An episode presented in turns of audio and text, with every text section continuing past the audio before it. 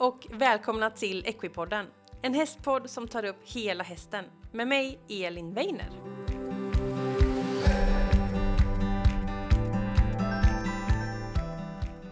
Varmt, varmt välkommen till veckans avsnitt av Equipodden. Jag hoppas du har haft en fantastisk vecka och att du nu är redo för det här avsnittet är ett riktigt, riktigt önskeavsnitt.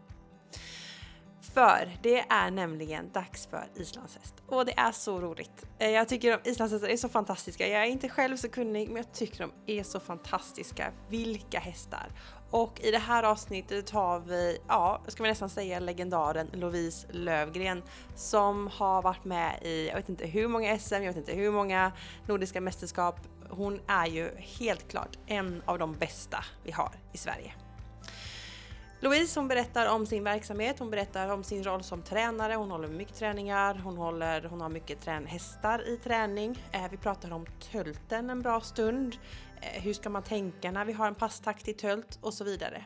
Vi pratar också om att sätta mål eh, och vi går också in på hur man ska jobba med bedömning på tävling för mer hållbara hästar. Och det här är ett lite känsligt ämne men det går vi också in på. Och såklart får vi med mängder med lyssnarfrågor som är inbakat lite här och var i avsnittet. Så att eh, ja, oavsett om du är på med islandshäst eller inte så är det här avsnittet för dig. För nu kör vi igång med islandshäst, tränaren och ryttaren Louise Lövgren.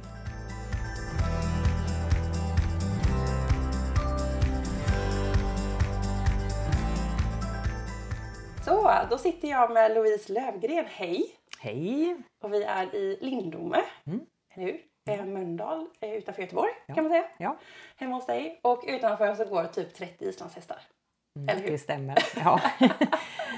Kul! Och vi ska prata islandshäst för du är dels en otroligt duktig ryttare med jättemycket meriter och eh, tränare och bedriver ju verksamhet här på gården mm. mm. med eh, små fluffiga hästar. Mm, precis, precis. Men för de som inte känner dig, kan inte du berätta lite om vem du är? Mm.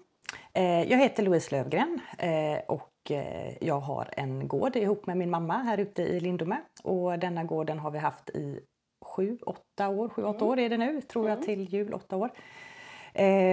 Vi har två verksamheter här kan man säga. Min mamma har en ridskola, Raudhätta islandshästar, som hon har haft i gud, det är snart 30 år. Det är ja, helt, helt galet.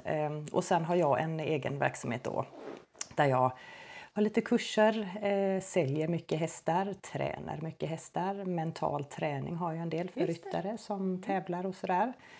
Eh, ja, lektioner hemma. Mm. Eh, så det är typ det som eh, vi sysslar med. Sen har vi en mm. del inackorderingar mm. också. Då.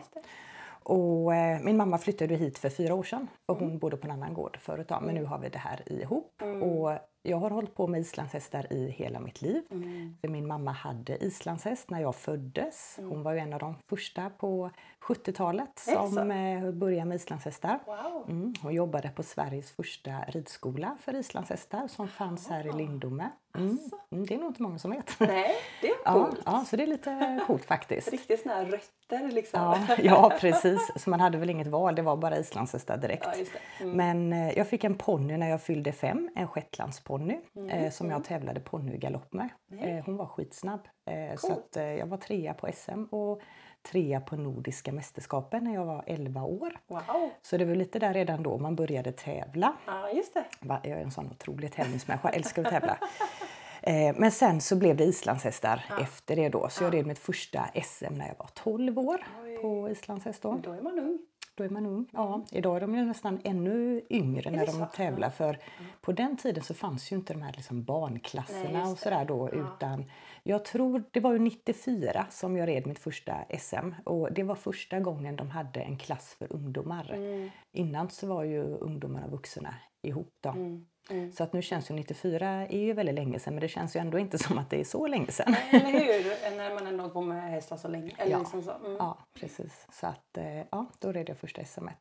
Och sen har det liksom bara flytit på. Eh, jag har nog ridit 27 eller 28 SM. Oj. Ja, det är också helt galet. Det känns som man är 100 år. Eh, jag är 40 i år. det är typ varje år? Ja, ja, men det är nästan varje år. Jag hade uppehåll när jag fick eh, barn och mm. sen så har jag varit och jobbat på Island. Så, mm. också. så att jag har egentligen missat två SM sen mm. 94. Då. Ja, det är helt galet. Ja. Så det har blivit lite NM och sådär. Eh, jag har faktiskt aldrig ridit VM. Eh, det är ju ett sånt drömmål som Jaha. jag har i livet, att rida VM. Jobba mot det. Ja, det gör jag.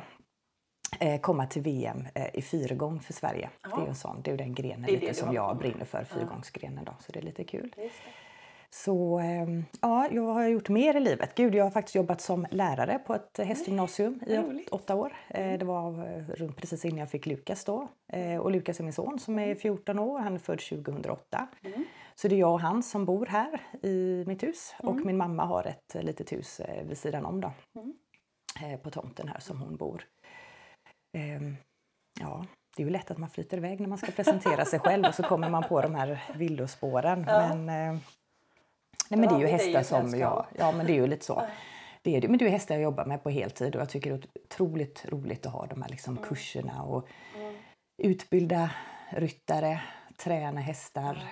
Det är jättekul. Och det som är lite roligt med också att vi har haft eh, vi har lite egen avel. Och Ja, jag såg ett föl på vägen upp. Ja, du såg lilla Ida heter hon. Ja, jättesöt. Ja, eh, för jag köpte ett väldigt fint sto för några år sedan och nu börjar hennes avkommor då att de ska ridas in. Spännande. och de är så fina kan jag säga. Shit vad fina de är. Så det är väldigt spännande just när egenaveln ska få komma fram då. Det är ett sånt långt projekt liksom. Ja, gud ja. Så får man se vad det blir sen. Ja, ja, ja, flera år väntan. Ja, ja. Åh, vad roligt. Mm. Och hur mycket hästar är det här ungefär? På gården. Mm. Eh, 30-35, man vill typ inte räkna.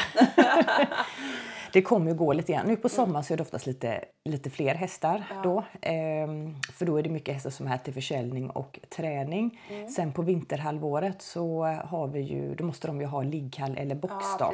Nu kan de ju gå ute. Och jag har 16 boxar Mm. eh, och tre lösdrifter. Eh, så, men på lösdriften är ju inackorderingens hästar. Just. Och där kan jag liksom inte bara slänga in träningshästar som Nej, kommer och går utan de får man ju ha i lite egna hagar. Eh, och eh, också så på vintern så måste man ju ha box till träningshästarna då. Så att det är lite Ja. mindre på vintern. Då håller jag på lite mer med mina egna och har lite mer lektioner. Och sen på sommarhalvåret så är det väldigt mycket hästar på träning Mm. och försäljning då. Så just nu är det väldigt mycket hästar. Många egna har du då? Alltså jag vet inte, det är helt sjukt. ja, alltså på pappret så äger jag bara två som är helt mina egna. Det är ju Rex, min tävlingshäst. Eh, och sen så har jag en vallack som heter Morri som jag har köpt från Island som är till försäljning. Då, sen har jag ju ihop med min mamma då, eh, X antal. ja, typ 20 kanske, eller 25. Ja, 25. Ja, ja, det är hemskt att man inte vet det. ja, men det är för att det kommer att gå lite hästar och föds lite föl och så. Ja, precis. Jag får sätta mig och räkna någon dag. Ja, vi får återkomma helt Ja, enkelt. ja. Men det är en häst som är din tävlingshäst just nu då? Mm. Spännande. Ja. Och vad är målet nu? Eh, ja, vad är målet nu? Han heter Haustig Rex Stepelsson. Eh, det är ja. Sveriges längsta namn. Ja, typ. Från skomakaren ska man lägga till då. För alla islandshästar har ju att de heter ju från Ja, någonting då. gården typ. Ja, Mm. Men jag kallar han för Rex. Mm. Jag har haft han i fyra år. Eh, och målet är ju... Jag var, med, var, jag var med med honom på NM nu som var för tre veckor sedan. Så vi är ju med i landslaget Kul. för islandshästar. Så Gick det är det lite bra? kul. Ja men det gick bra. Jag kom eh, sjua. Mm. Delad sjua med Vignir. Härligt. Och eh, målet var väl lite grann att komma topp 10 på det mästerskapet. Ja. För just i den fyrgångsgrenen då som jag rider så var det fruktansvärt tufft motstånd. Ja, ska Alltså, det vara på tävling. Ja, men just den grenen var bara, det var som VM. Mm. Det var det All- bästa. Ja, det var, jag får nog säga, alltså inte bara för att jag själv red den grenen nu, men det var den tuffaste. Det var, alltså den poängen som jag hade haft under året, jag var liksom tvungen att sätta den eller sätta bättre för att komma så pass Okej. långt fram som jag gjorde. Liksom. Så att, eh, nej, men jag var nöjd med den sjunde placeringen. Jättenöjd. Kul. Mm. Och fyrgång, Mm. Då springer vi runt och visar fyra gångarter, eller? Ja, det kan man säga. Typ. Eh, och fyrgång är ju ganska likt dressyr. Det är väl det som egentligen är det likast med dressyrprogrammen. Ja. Eh, och jag brinner väldigt mycket för dressyr. Ibland tänker många så här, varför köper inte du ett halvblod Lolo? för jag gillar liksom det här med övergångarna, att hästen ska gå i rätt form, eh, att hästen ska jobba på rätt sätt. Eh, och det är väl det som, alltså det är klart det spelar in i alla tävlingsprogrammen. Men fyrgång är, då är det långsamtölt eller som man kallas för arbetstölt. ökad tölt, Mm. trav och skritt och galopp. Då. Så man visar ju tölt två gånger fast olika tempon. Eh, så det, ja, det är lite den, den grenen som jag brinner mest för som är Rex bästa. Då. Mm. För Rex han är lite grann som en ponny med tölt skulle jag säga. han har väldigt bra skritt, trav och galopp och kan liksom galoppera på små volter och traven är sådär super liksom. Ja. Jag satt, om man är lite statistiknörd, så var det bara jag och en till som fick fyra åttor i trav på NM. Vi får ju poäng mellan 0 och 10 då. Åtta är väldigt bra. Och i uttagningen då så hade jag fyra åttor på trav och det var en till. En norsk kille, Nils Christian heter han och han är väldigt, väldigt bra. Så det var lite roligt att vi fick det. Det var bara jag och han som hade det. Härligt! Ja, I alla grenar på hela nordiska så det var lite kul. Så att, Wow. Ja. ja. Häftigt. Och det är ofta för Rex är, han är en häst som inte kanske är så himla flashig med mycket benlyft och sådär. Men han har just de här grundgångarterna som är väldigt bra. Han har bra, liksom, bra övertramp i skritten, eh, har en bra form, eh, väldigt bra tretaktig galopp. Och i finalerna så liksom kommer de här när man först visar tult så ligger jag typ alltid sist efter när man visar den långsamma tulten. Men sen när man kommer till traven och skritten och galoppen så liksom betar han Ja, sig det. upp lite sakta. uppåt så. Ja, så att när man väl är där på slutet och liksom ska visa Ja. Ökade tölten då, som är det sista momentet i en fyrgångsfinal, Mm. så, eh, ja, men så ligger jag oftast bra till för jag har fått så bra poäng i grundgångarterna då. Kul! Mm. Ja, det är spännande det där. Svårt. Vi ska återkomma till tölten för Ja, att eh, vi ska. Mm. prata om det. Ehm, men eh, jag förstår ju att islandshästar är din grej och du har ju berättat att det är liksom du fostrades in i det kan man nästan Ja, säga. ja, det kan man säga. Men vad är det bästa med islandshäst? Liksom varför håller, alltså, du säger själv så att dressyren är kul, jag kanske, ett halvblod hade kanske kunnat utveckla den delen Mm. sådär men vad, vad är det som gör islandshästen så speciell? Eh, alla säger ju så här gångarterna. Mm. Men jag skulle nog säga lynnet eh, är väl det som är det allra bästa. Sen Mm. är det ju jättekul med tulten och traven och passen Mm. och femgång med. Men jag får nog säga lynnet som nummer ett och sen kommer gångarterna som nummer två. Mm. Eh, just att de bara, ja men de är schyssta hästar liksom. Mm. Och även om du har en islandshäst som kan vara lite tuff eller lite bestämd eller som är lite så här, kanske lite känslig och rädd vid inridningen Mm.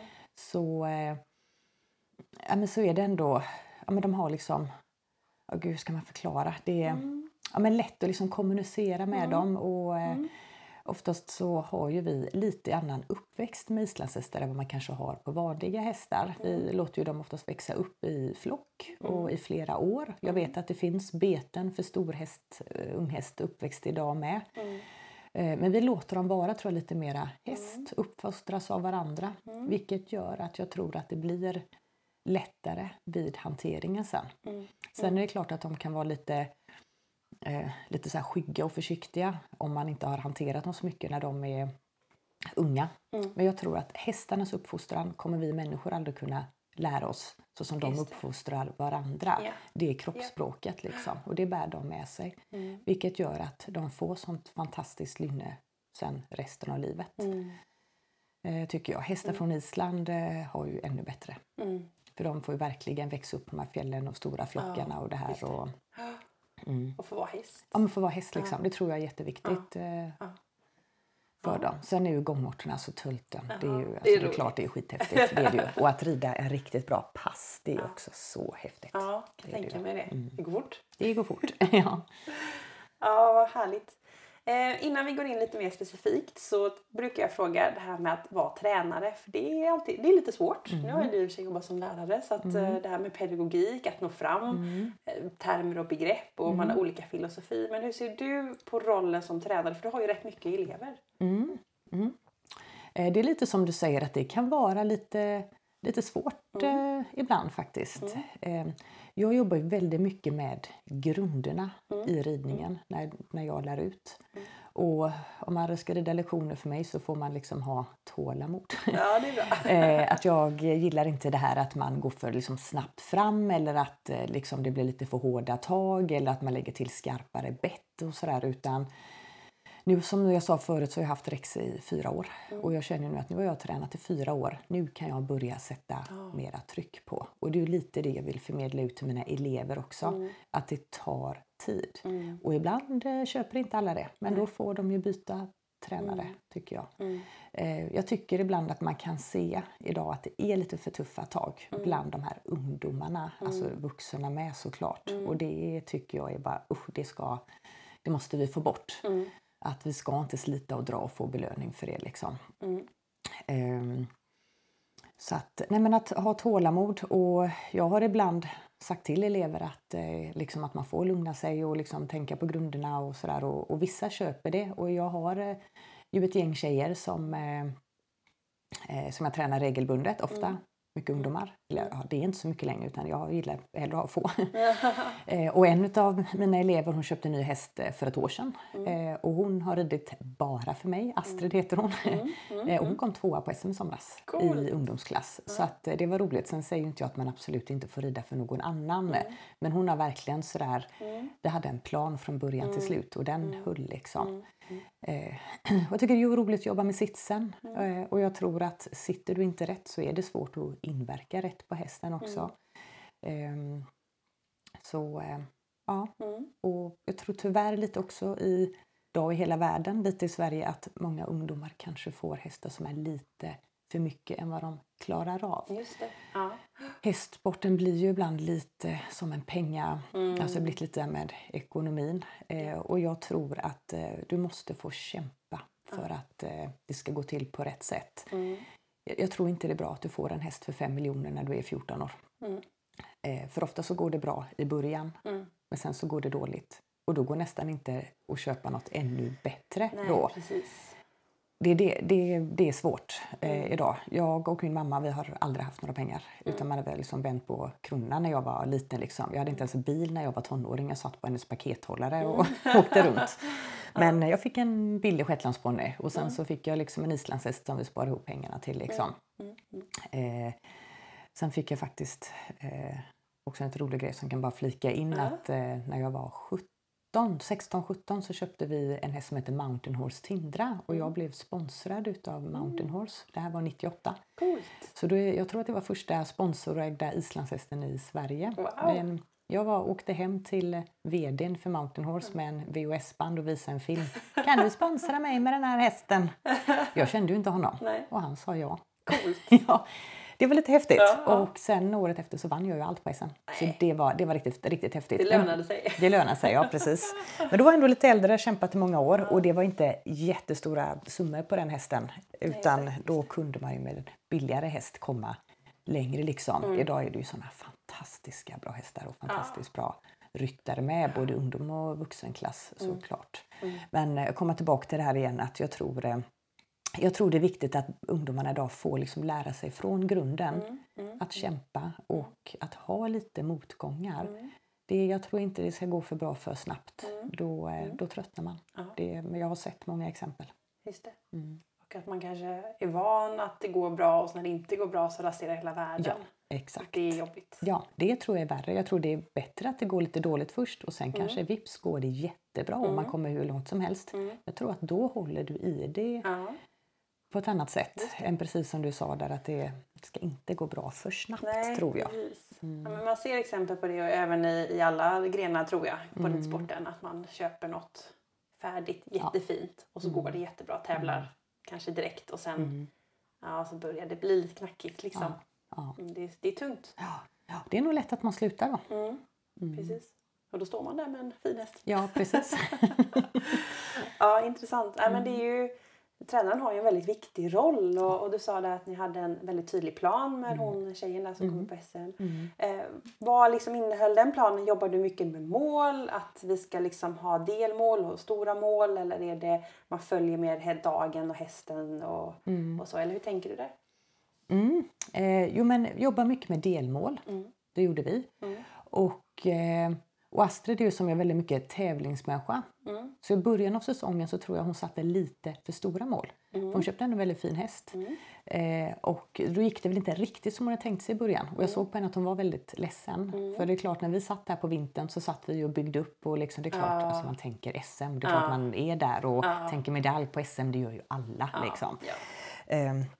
Så gick det inte så bra. Så då, då var hon väldigt ledsen tänkte jag. Men jag var ganska typ, tyst där och sa inte så mycket. För jag tänkte hon är ändå 18 så att eh, det är liksom inget litet barn så. Men då tror jag att hon fick inse lite grann själv att menar, det fanns ju vissa glimtar på tävling som var bra. Och att hon kunde se lite. liksom, Men det var ju, jag gjorde ju det misstaget som gjorde att jag inte fick den poängen. Liksom. Och sen gick det, Det lite bra. Mm. bättre på tävlingen efter. Och så gick det lite bättre. Så det var verkligen så att det gick bättre och bättre under hela Mm. säsongen. Och då kände jag på tävlingen som var innan SM att eh, SM kommer gå bra. Jag bara visste det. Jag sa inte det till henne men jag bara hade den känslan. Mm. Liksom. Ja. Och, det, och det gjorde det. Och då hade hon även lite små misstag på SM. Jag kommer ihåg i finalen i fyrgången där och så fick hon först fel galopp. Aj, Och alla domarna såg det. Ja. Eh, sen fick hon ju rätt till slut. Nu var hon som vann var otroligt duktig. Hon vann ju även Nordiska. Så hon kanske inte hade vunnit eh, ändå även, även om hon hade fått rätt galopp. Då. Men hon hade nog fått en högre slutpoäng då. Just det. Just det. Så att, eh, nej, men mycket delmål och eh, hon flyttade faktiskt in här med mig och hästen. så hon har varit där typ hela våren.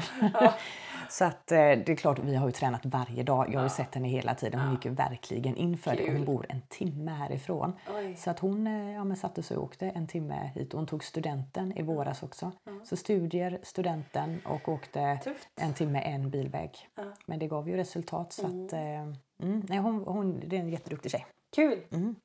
Vad bra. Jag tänker att vi ska hoppa in lite i det här med tälten. För Mm. jag ställde ju ett lyssnarfråga som jag alltid gör och då var det många som frågade någonting kopplat till tält. Mm. Och eh, om man, de flesta kanske vet typ vad tält är. Mm. Men kan inte du berätta lite vad är egentligen en tält och vilka takter ska vi ha och hur rör sig hästen liksom? Mm. Eh, tult är ju en fyrtaktig gångart som man säger. Och fyrtakt betyder att du kan räkna 1, 2, 3, 4, 1, 2, 3, 4. Man, det låter ju så när hästen tultar på typ asfalt. Just det. Eller på hårt underlag. Eh, och eh, tulten, precis som du säger, kan ju tappa takten. Den kan ju bli travtaktig och den kan ju bli passtaktig. Mm. Eh, vanligast idag är att den blir passtaktig. Ja. Eh, Och man pass är när... samma sidas. Mm. benpar går som en kamel. Liksom. det. Mm. det är det som blir passtakt. Och det finns ju ett uttryck idag också som heter grisepass. Har du hört Ja, det? det har jag hört. Ja, det använder man lite mera förr och det är ju när tulten blir helt i passgång. Liksom. Ah. Att den går helt tvåtakt. Just Det det. är liksom dunk, dunk, dunk, dunk. Du kan nästan liksom rida lätt i grisepass. Ja, Okej, okej. Men det Inte blir ju... Nej, den, det är inte så bra. Men det uttrycket hade man lite mera Förr pratade man, man fick höra typ på ridskolor och turridning och ah, nu rider vi grisepass. Men jag tror man försöker få bort det lite grann för det låter lite roligt. Så nu säger man passtakt i tult tror jag. Låter lite finare. ja, just det. Ehm, och om man backar sådär typ 40 år tillbaks, då var det mer travtakt som var problem med islandshästarna. Mm. Intressant. Ja, det är lite intressant. Eh, men då var det man avlade, tror jag, mycket på... Ja, men den här passen hade inte riktigt kommit in på samma sätt i aveln då. Mm.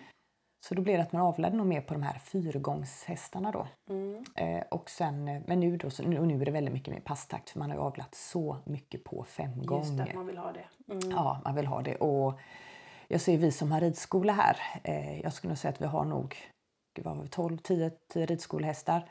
Det är väl en som kan gå lite mot trav och resten då har ju mot passtakt. Och passtakt är, det är lättare att lösa problemet än travtakt. För passtakt kan man, det finns väldigt mycket liksom hjälpmedel mot att få bort det. Du kan mycket med skoning, sätta tyngre skor fram. Du kan sätta sådana viktboots på fram.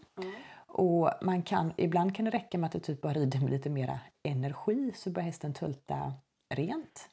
Ibland kan det hjälpa att du typ rider ut och tultar lite så här nedförsbacke, inte jättebrant men lite nedförsluttning så just kommer hästen liksom in i Så ren. kommer in lite. Ja men precis, så kommer den in med liksom rätt takt. Eller att du rider på volter och sådär. Och liksom, det handlar mycket om lösgjordhet. Det gör det ju klart på i vanlig travtakt med. Men just med passtakt så det är lättare att förmedla om man kanske inte är så duktig ryttare. Så därför rekommenderar vi som har ridskola att det är lättare att ha lite mera femgångshästar i ridskolan det, då, för det finns så mycket mera hjälpmedel att få in en Just. ren fyrtakt. Då. Ja, just det. Dels saker yttre men också så att lägga en volt. Det är ju ändå ganska... Det är lätt att göra. Ja, Liksom. ja men precis. precis. Medan travtakt då, då är det, det krävs väldigt mycket rätt ridning. Mhm, Och vissa islandshästar som är sådär extremt travtaktiga kan faktiskt vara att de är liksom byggda på ett sätt som har att de bara har svårt att gå rent i tölten. Mm. Och för några år sedan så började man faktiskt gentesta islandshästarna. Eh, nu är jag inte så jätteduktig på vilket det är som är. Det heter CC, CA, AA. Vet, nu ska jag inte säga vilket som är vilket för att jag är inte superduktig på vad det är. Men eh, det finns ju en gen då, nu inte den så vanlig längre faktiskt, där de är tregångare. Där Ah, de inte har det. tulten i sig. Det går inte liksom. Ja, men precis. Man kan tvinga, tvinga, tvinga. Men du vet, bara, det blir bara bråk och tjafs liksom. Och de hästarna vill man ju liksom få lite ur aveln. Ja, precis. jag tror nu att det finns inga, det finns inga hingstar i Sverige som är tre gånger idag för att Nej. Nej. det är borta. Men jag tror om vi tänker med backar 40 år tillbaks, där tror jag vi hade tre gånger som vi avlade på. Och så bara förstod man inte varför de inte gick och tölta på den, bara trava med huvudet rätt upp liksom. Och folk satt och drog i tyglarna och man försökte med alla sätt liksom. Ja. Men nu är det ju borta tyvärr då. Mm. Så att alla hingstar idag gentestas ju. Eh, och det tycker jag är bra. Mm, eh, de flesta har ju både fyrgång och femgångsgen i Mm. sig idag. Eller väldigt många har femgång då. Men sen hänger det såklart på stoet eh, och de behöver inte gentestas. Eh, så att fölet kan ju ärva allt från stoet på genen ändå så att man vet ju inte riktigt då. Men travtakt är ganska liksom bortavlat idag. Du ser det lite grann ibland. Men det är svårt och får vi en häst med väldigt stark trav på ridskolan så är den, den är svår att få att tölta om man inte är så van då. Just För det krävs väldigt mycket både lösgörande och samlande övningar för att de ska tulta på rätt sätt. Så häst med stark trav ser man mer på tävlingsbanorna. Just det. För att där är en på- duktig ryttare som ändå Ja, kan plocka precis. fram. Mhm. Så tult som har mycket, väldigt mycket benaktion som man vill ha på tävling idag. De är oftast väldigt bra trav också. Men eh, de här lite mera trippig tult, om man ska lite mer markbunden tult, det är ju mera den man vill ha i verksamheter eller om du rider i skogen. Eh, då. Och den kan oftast bli lite mer åt passtakthåll skulle jag vilja säga. Just det. Ja, det är klart, det beror ju helt på vad man har för ambitioner. Ja. Man, alla är ju inte tävlingsryttare. Nej, nej precis. Då är det gött att ha en, eh, en tältmaskin att sitta på ute. Ja, ja men precis. Så att, eh, vill man bara rida ut eller liksom rida lite enklare kurser och sådär så ska man inte satsa på för mycket steg i tulten för att det, det är svårare. Och okej, så att tälten liksom, vi har fyrgångs eller fyrtakt och vi kan ha den travtaktig och passtaktig Mm. Ja. och det finns hjälpmedel däremellan. Ja. Eh, vad använder jag för hjälper för att få en bra tölt? Om jag liksom, ja det är klart att är man en duktig ryttare så kan man ju säkert det här men om jag är lite nyare på islandshäst, vad, vad, vad gör jag? Många Mm. Ja. säger att dra upp huvudet. Dra upp huvudet och luta dig bak och fram med benen. Ja, typ så. Det fick man höra förr och Ja. eh, det lärde man ju ut på, mycket på turridning Ja, förr. precis. Jag hatar ju typ ordet turridning. Vi har ju uteritter kallar vi det här Just för oss. det. Väldigt lite för jag tycker det sliter mycket på hästarna och vi tar bara vana ryttare som rider hos oss. Jag tror vi är enda i Sverige. Vi har aldrig haft en nybörjare på uteritt Oj, aha, någon gång. ja. Eh, då. Eh, men då var det mycket det här förr med att upp med huvudet, fram med benen, Ja, luta dig bak man skulle tulta. Men tack och lov så är det ju inte, det är ju inte så det är. Mm. Men när en häst tultar så eh, det beror också lite grann på vad det är för typ av häst. Mm. Det finns ju hästar idag som väljer tult före trav. Mm. Alltså du vill bara liksom driva på den så börjar den tulta. Mm. Men att man har liksom kanske lite kortare tyglar. Eh, du samlar ihop den, samlar ihop skritten. Eh, mycket samspel mellan skänkel och kant. Mm. Viktigt att hästen svarar på halvhalterna. Så att om du ska kunna utveckla en tölt så är det väldigt viktigt att hästen kan grunderna i ridning. Flytta undan, kan halter, halvhalter. Eh, för att kunna rida med det här samspelet då, för att kunna få en bra tölt. Mycket övergångar. Om hästen har svårt med tölten när man rider in en häst eh, så kanske du töltar bara några steg och så går tillbaka till skritt igen. Men det jag skulle vilja säga med tölt är liksom samspel mellan förhållande och drivande hjälperna. Du sitter precis likadant som när du rider skritt eller trav. Du sitter i en lodrätt sits. Du ska inte ha händerna högre eller lägre. Du ska ha dem på samma höjd. Hästen är mera rest i framdelen när den tultar.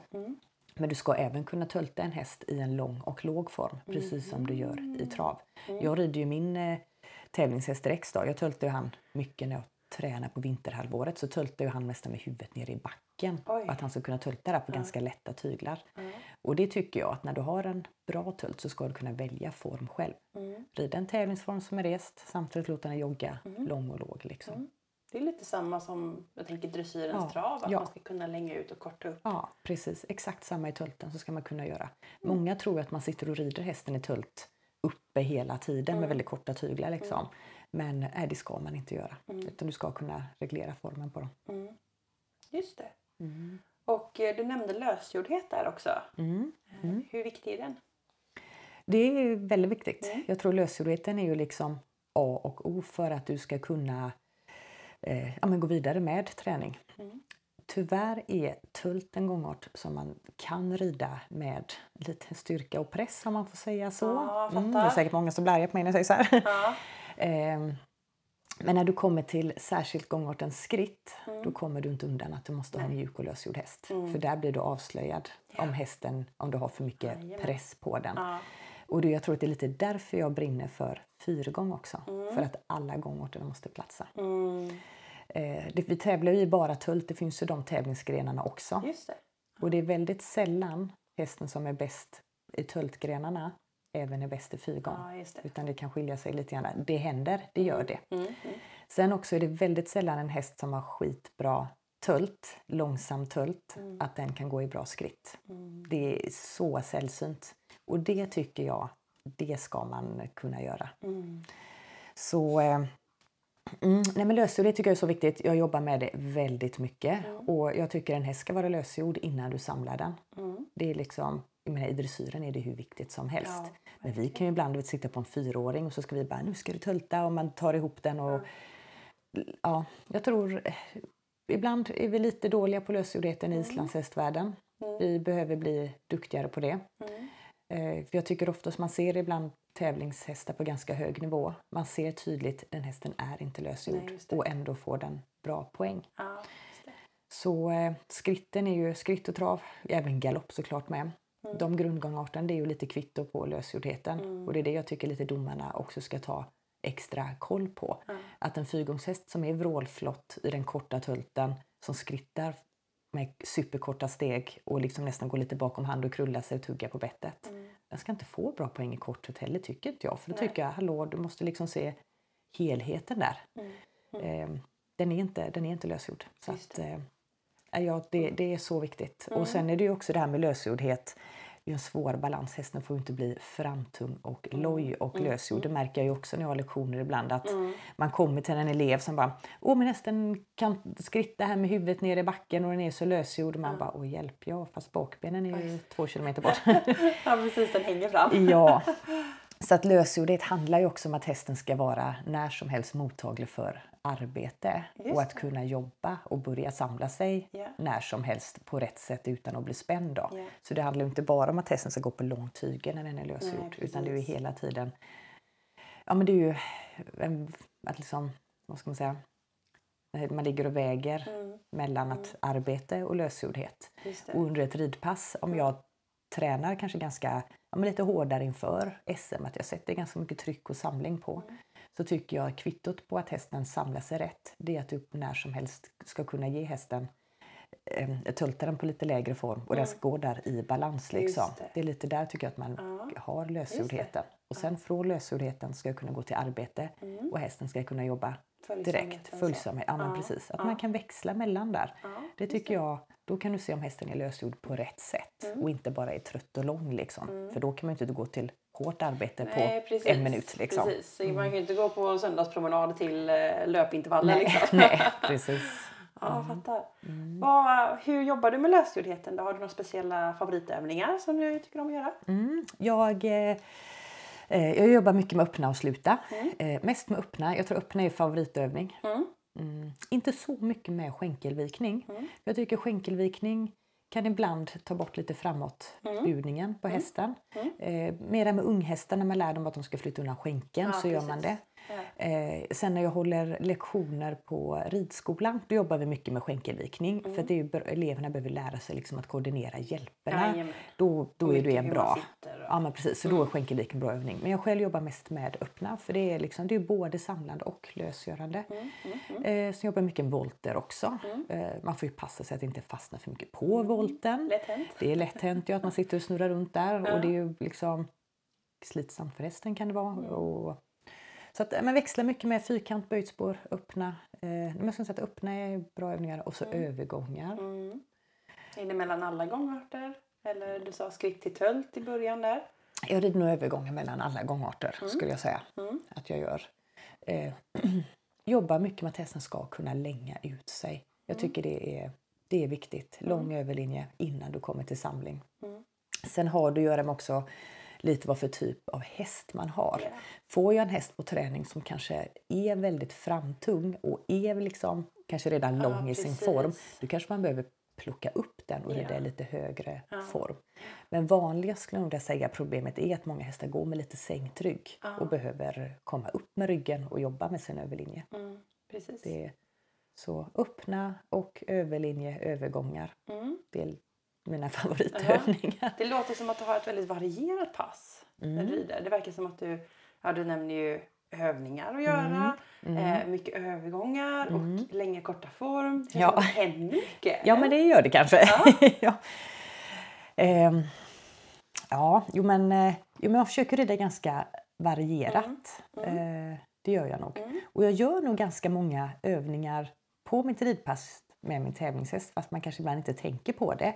Man är sådär, man stämmer ju av hela tiden att eh, går hästen fram för skänken? Eh, är den lätt att stanna? Går den undan för skänken? Så att man så här, utan att man tänker på det så gör man nog mycket saker. Ja, ibland kanske man får tänka på att man bara ska rida. Men ibland brukar jag faktiskt, eh, jag går oftast ut i skogen, rider en timme och då försöker jag typ inte röra Nej. munnen eller röra skänken och Bara bara, åka gå, häst. ja, man åker häst och Ja, gå på lite långtygel. Det tror jag behövs. Mm, För att eh, jag tror tränar du alltså tre- sex dagar i veckan i paddocken, de tröttnar liksom. det tror jag. Det tror jag.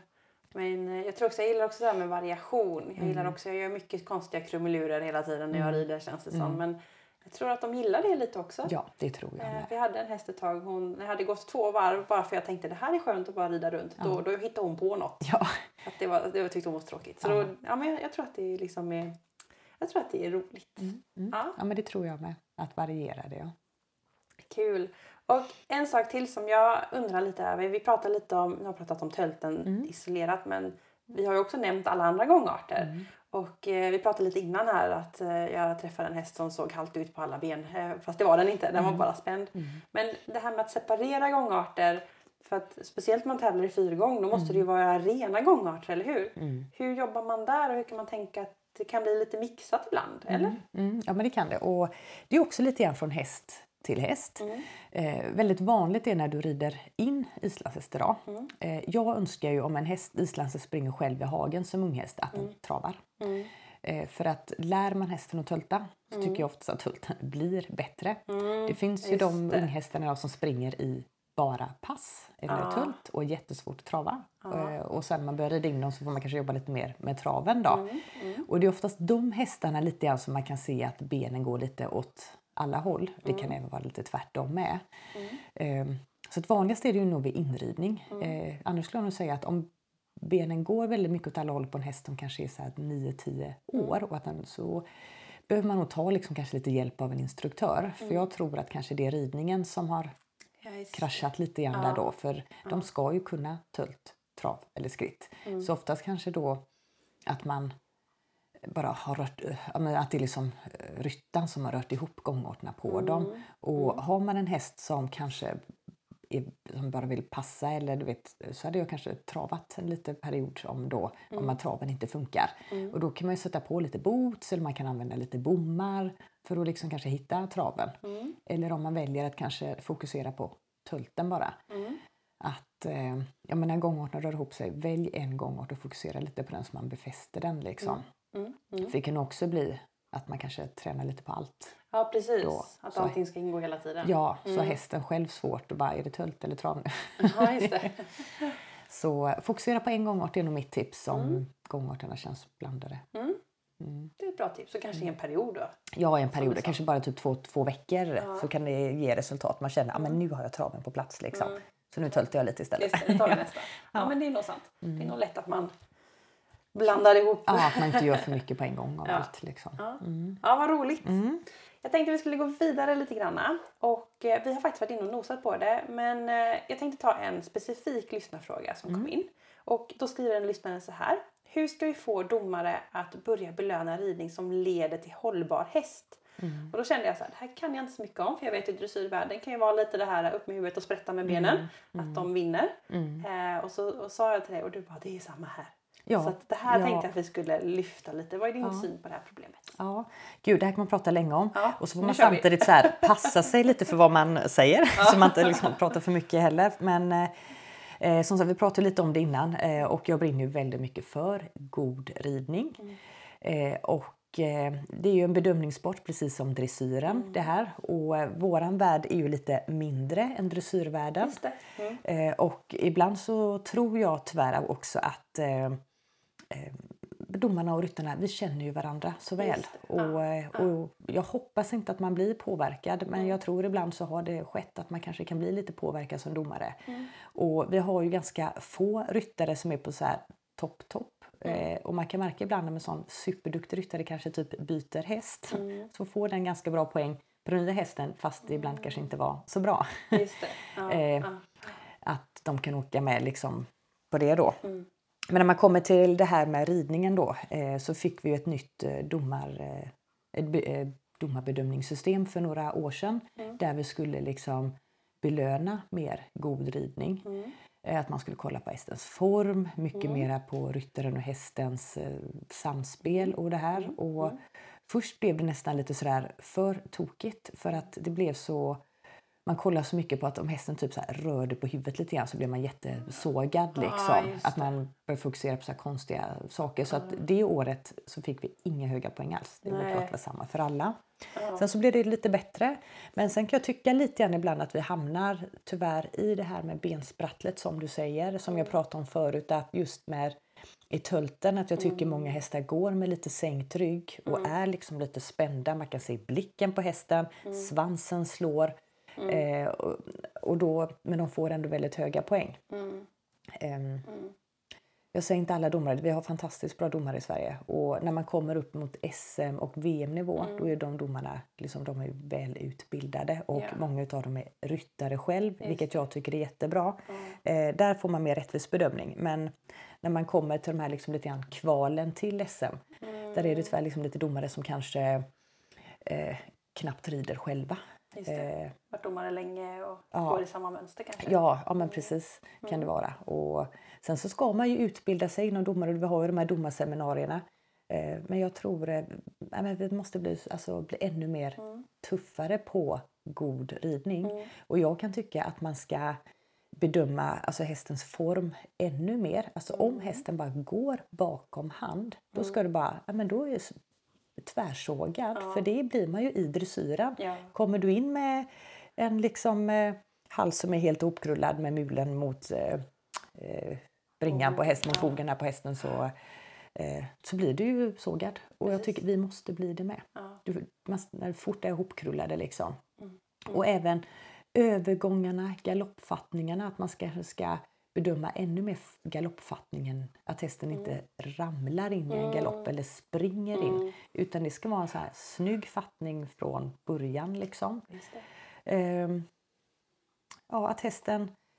Ja, gud, jag blir så här stå still i huvudet lite när man tänker efter. Men jag vill ha en ännu hårdare bedömning. Och det får man säkert mycket skit för att man säger det nu. För att många tycker så här, åh, jag fick sån hård bedömning. Eller du Ja, vet... just det. eh, det är klart det är kul att ha höga poäng. Ja, Men, men... eh, eh, rätt poäng. Ja, rätt poäng. Och jag tror att får vi en tuffare bedömning på att hästen måste vara lösgjord, eh, gå i rätt form, eh, ryttarens sits, tycker bara att ska sitta i lodrätt sits med liksom snygga armar, ja. liksom ska ha armbågarna in till kroppen, raka handleder. Och det är ändå, alltså, det här går för lätt för domarna att se de här sakerna.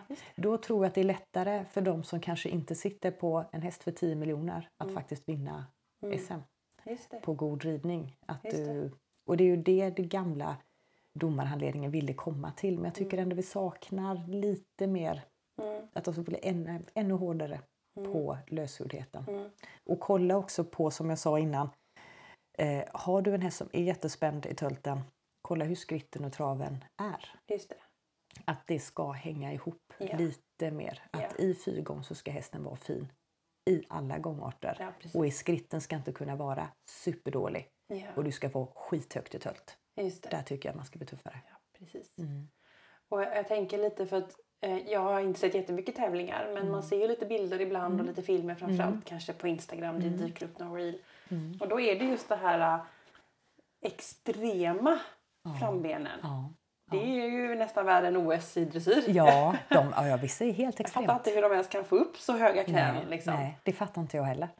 Och, eh, ja, det är ju gen genetiskt. Alltså de har, vissa utav hästarna har de här extrema Mm. frambenen. Mm. Ehm, ja, och sen kan man sätta vikt på. Du kan sko, träna till det ännu mer. Liksom.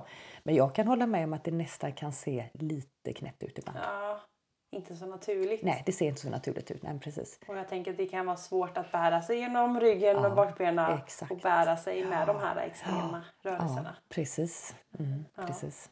Och Ja, jag tror ju att skador och sånt kommer Mm. eftersom att hästarna är lite mindre. Mm. De bär stora ryttare. Mm. Och när du har de här extrema frambenen så slås hovarna ner i backen. Liksom. Det tror inte jag är sunt i många år. Nej, Det, precis. då går de sönder. precis. Mm.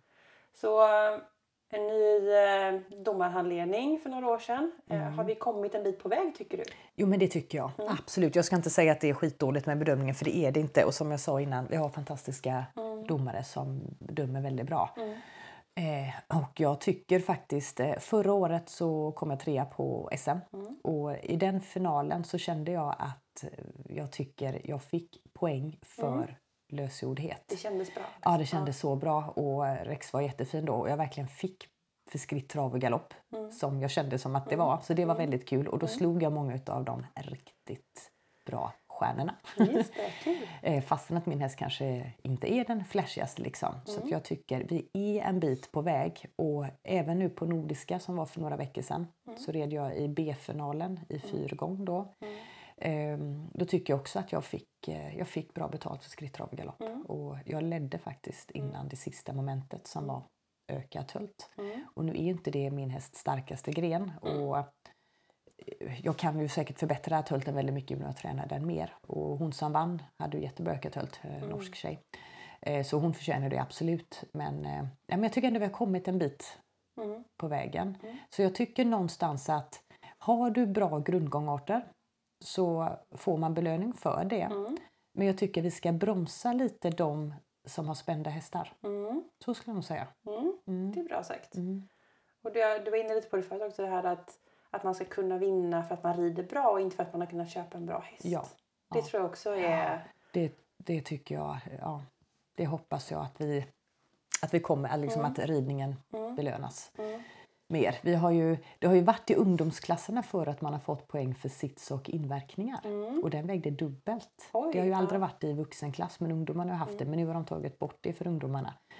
Men ibland tänker jag sådär att om man skulle haft det för vuxna. Men det är också svårt. Mm. För det, det finns ju idag hästar som är väldigt självgående. Där du inte behöver göra så mycket. Mm. Och sen är du en häst om du kanske syns lite att du får Precis. göra när du rider fastän att du inte är grov i dina hjälper. Nej, Och då- mer. Ja men precis. Och då får ju den högre poäng som har en mera självgående häst. Mm. Så det är så svårt. Du måste vara riktigt skicklig domare för att kunna bedöma sitsinverkningar rättvist skulle jag nog säga.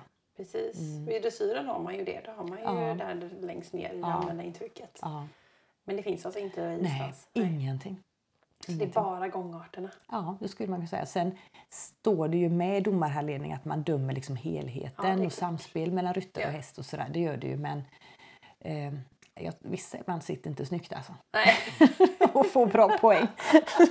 Om man får säga så. Ja, Ja. hur? Ja. Ja, men det, är, det, är, det är en viktig del såklart. Eh, Vi vill ju göra så lite som möjligt på våra hästar. Ja, ja, ja visst. Att det ska se liksom snyggt och prydligt ut. och- Mm. Intressant. Ja, där, där har vi såklart en, en väg att eh, gå. Ja. Och, och hållbarheten är såklart eh, på tapeten. Och det är ju mycket nu det här med det har varit så mycket skandaler överallt och att eh, folk som inte är med i ridsporten tycker att folk som rider inte behandlar hästarna på ett bra sätt. Och där, här måste ju även alla grenarna hjälpas åt, tänker jag. Mm. Jätteviktigt. Mm. Ja, gud ja. Mm. Det är det verkligen. Kul! Nu har vi pratat en bra stund. Ja. Och jag har ju fått massa lyssnarfrågor. De har vi vävt in här tror jag. Fått med de flesta. Men jag tänkte faktiskt att vi skulle ta en till. För den tyckte jag var lite gullig nu när det är höst. Och då är det en tjej som skriver så här. Tips till islandshäst som har blivit väldigt trött under hösten vid pälssättning. Det är ju så jäkla mycket päls. ja. Och nu har vi ju fortfarande varmt. Det är ju liksom över 20 grader ute Ja. och hästarna har satt jättemycket päls. De gör det redan. Ja, våra, några har fått ja, men alltså, nästan någon centimeter har vuxit ut. Oj. Och sen är det på vissa som har nästan sommarpälsen kvar. Men Ja. eh, det som jag tror är viktigt är ja, men B-vitaminer. Det Mm. ger jag mina hästar både när de sätter päls och när de fäller päls. Eh, nu vilar min tävlingshäst. Eh, han får alltid vila på hösten så ska han vila en månad. Mm. Får, får vila lite kortare i år för vi ska tävla en stor tävling i december. Mm. Sen får han vila igen. Men jag tror, alltså har man möjlighet att, att låta sin häst vila lite, då tror jag nu att det är en ganska bra period. Mm. Eh, Har man inte det så tror jag att man ska se över kanske lite foderstaten. Mm. Eh, om, om man tränar mycket, kanske klippa den lite på halsen. Just det. Eh, tror jag. Ett ventilationshål. Ja, med lite ventilationshål, ja. ja. Och, eh, eh, kanske inte rida när det är som varmast. Men, eh, men jag tror kanske ge lite extra müsli, lite extra vitaminer och det här. Mm, mm, mm. Tror jag. Eh, för alla hästarna, de blir trötta nu. Ja. Det känner jag. Ja. Och när jag har så mycket, jag känner nu en massa hästar i träning och sådär. Och någon hästen var, och den här är så pigg sa den och lämnade på träning. Och jag tänkte, gud det är den inte alls pigg. Men då tänkte jag, nej men det är denna tiden liksom. Mm. Mm. Mm. Det tror jag. Mm. Så att men ta rida kanske lite lugnare då också. Just det. Mm. Ja, det tror jag är bra. Vi skickar med det till Ja. den här lyssnaren som Ja. kanske får lite extra hjälp. Ja. Ja men eh, fantastiskt. Eh, jag brukar ibland avsluta så här med tre små korta tips. Så Mm. att om du får tänka på en islandshästryttare Mm. som eh, har en bra grundridning och kanske vill levla upp lite granna. Vad är de tre bästa tipsen då? Eh, till, någon som, eh, till någon som tränar som vill Ja. komma vidare liksom. Ja, precis. Alltså tålamod, Mm. det är viktigt. Mm. Det får ta tid har vi sagt innan. Ja. ja, men typ tålamod att ta tid. Mm. Eh, ja, men små delmål på vägen. Mm. Jättebra. Mm. Skriva ner eller? Ja, ja Mm. men skriva ner och skriva ner de bra sakerna. Mm. Det är viktigt. Mm. Jag jobbar ju mycket med mental träning. Mm. Eh, mycket skriva ner de bra sakerna. Ja. Efter kanske varje, varje kväll egentligen innan man lägger sig. Just Skriv det. tre saker som har varit bra med Ja, ridningen. jag älskar den övningen. Ja. Den är så bra. Så plockar man fram den boken en dag när det inte känns så bra. Ja. Så känner man shit vad bra jag är. Ja, eller hur? Ja. Ja, Så, men sen bara ha kul såklart. Ja. Liksom. den tror jag också är viktig. Mm. Ja, men fantastiskt. Mm. Ja, men gud vilket eh, trevligt avsnitt det här blev. För jag är peppad på Kram islandshästar sen. Ja. ja, det var jättekul och tack för att jag fått vara med. Ja, jättekul. Om man tyckte det här var intressant och tycker du verkar intressant, hur gör man för att komma i kontakt med dig? Eller följa dig Eh, kanske? Ja, följa mig. Eh, Jag har ju både Instagram och Mm. Facebook Mm. Och Youtube och en hemsida. Ja. Och vad heter du överallt? Eh, På hemsidan heter jag louiselövgren.se eller lofgren.se. Eh, Instagram Louise Lövgren 82. Mm. Och på Facebook Louise Lövgren. Mm. Ehm, och Youtube-kanalen heter jag också bara. Söker du på Louise Lövgren så får du upp min logga Ja. där bara. Ja. att, eh, och där kommer jag, mitt mål är att jag ska ha ett klipp som kommer ut där varje vecka. Mm. Vad är det på de klippen då? Det är lite med mina hästar Mm. och träning och man får följa med på tävlingar och hur jag förbereder mig för tävlingar. Ja, kul! Och nu i höst kommer det även bli lite så här clinics. Eh, ah, digitalt. Mm. Ah, kul! Youtube alltså. Youtube så det är liksom häst-Youtube. Det kommer även vara lite så här var- vardagsgrejer också Ah, såklart. Så det är ja. ja, men mitt liv skulle man säga. Vad roligt! Mm. Sånt är så kul att följa. Ja. Ja. men fantastiskt, då får man helt enkelt in och följa där och som sagt kontakta om man är intresserad. Om man tyckte det var kul. Mm. Eller hitta någon, du har ju hästar till salu så att ja precis, vill man köpa häst så har jag ett gäng här uppe Ja. ute i stallet. ja. kan man åka hit. Ja. Ja men fantastiskt, tack så jättemycket för att du ville ha med Equipodden. Tack själv.